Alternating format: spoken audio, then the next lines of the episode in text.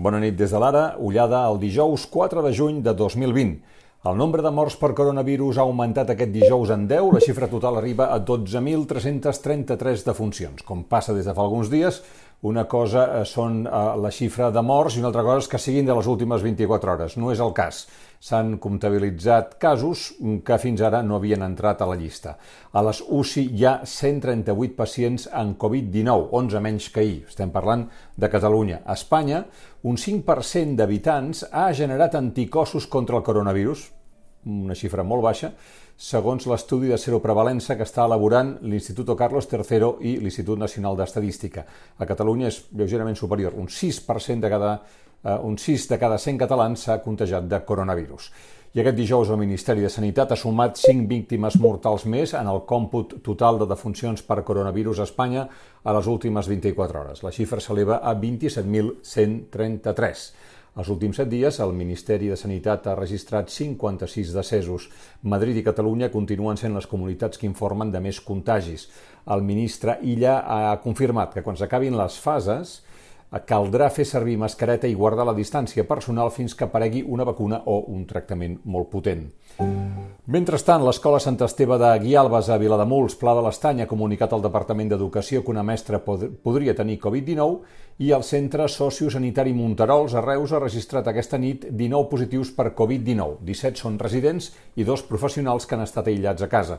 Els residents del centre s'han quedat aïllats a l'anomenada zona bruta del centre sociosanitari.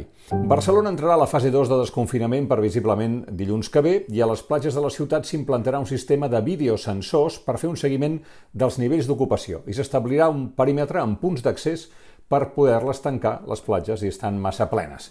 La informació de com estan d'ocupades les platges es donarà en temps real a través de la web municipal de platges perquè tothom la pugui consultar abans de sortir de casa i veure si té lloc o no. Funcionarà com un semàfor, però amb quatre colors.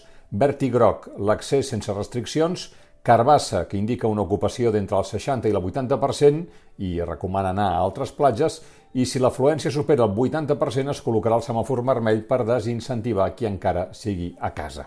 Els treballadors de Nissan de les fàbriques de Zona Franca, Sant Andreu de la Barca i Montcada i Reixac han organitzat marxes lentes amb cotxe que han causat retencions als accessos de Barcelona i a la Diagonal aquest migdia. Els treballadors s'han reunit a les respectives fàbriques per avançar lentament fins a la Diagonal de Barcelona i concentrar-se davant el Consolat del Japó en una acció de protesta per l'anunci del tancament de les plantes abans que acabi aquest any.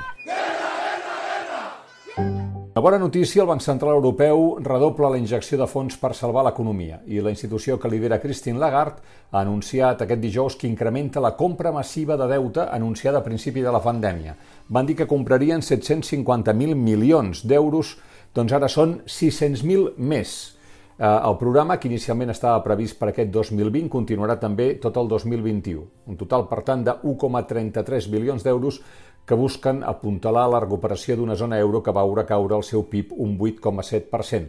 I ha dit el BCE que les compres de deutes poden mantenir fins que es consideri que la fase de la crisi del coronavirus ha acabat. Segur que recorden el nom de Madeleine McCann, la nena anglesa que va desaparèixer en una platja de Portugal l'any 2007. Doncs bé, és morta, segons el fiscal alemany del Tribunal Regional que s'ocupa del cas.